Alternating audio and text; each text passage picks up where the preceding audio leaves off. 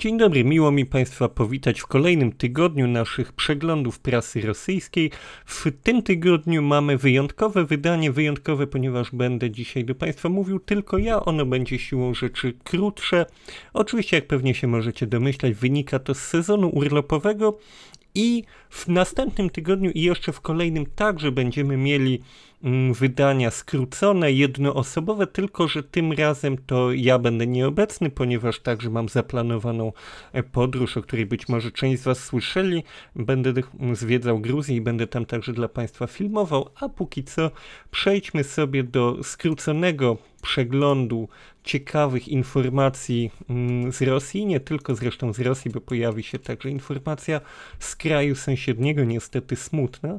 Zacznijmy jednak od tego, że rosyjskie urzędy kontynuują walkę z polityczną opozycją w kraju 26 lipca, czyli tego dnia, w którym ja nagrywam dla Państwa te słowa, Roskomnadzor, instytucja, która w Rosji zajmuje się nadzorowaniem różnego rodzaju mediów, zablokowała strony internetowe związane z Fundacją Walki z Korupcją, Funduszem Obrony Praw Obywatelskich, a także ze sztabami Aleksieja Nawalnego.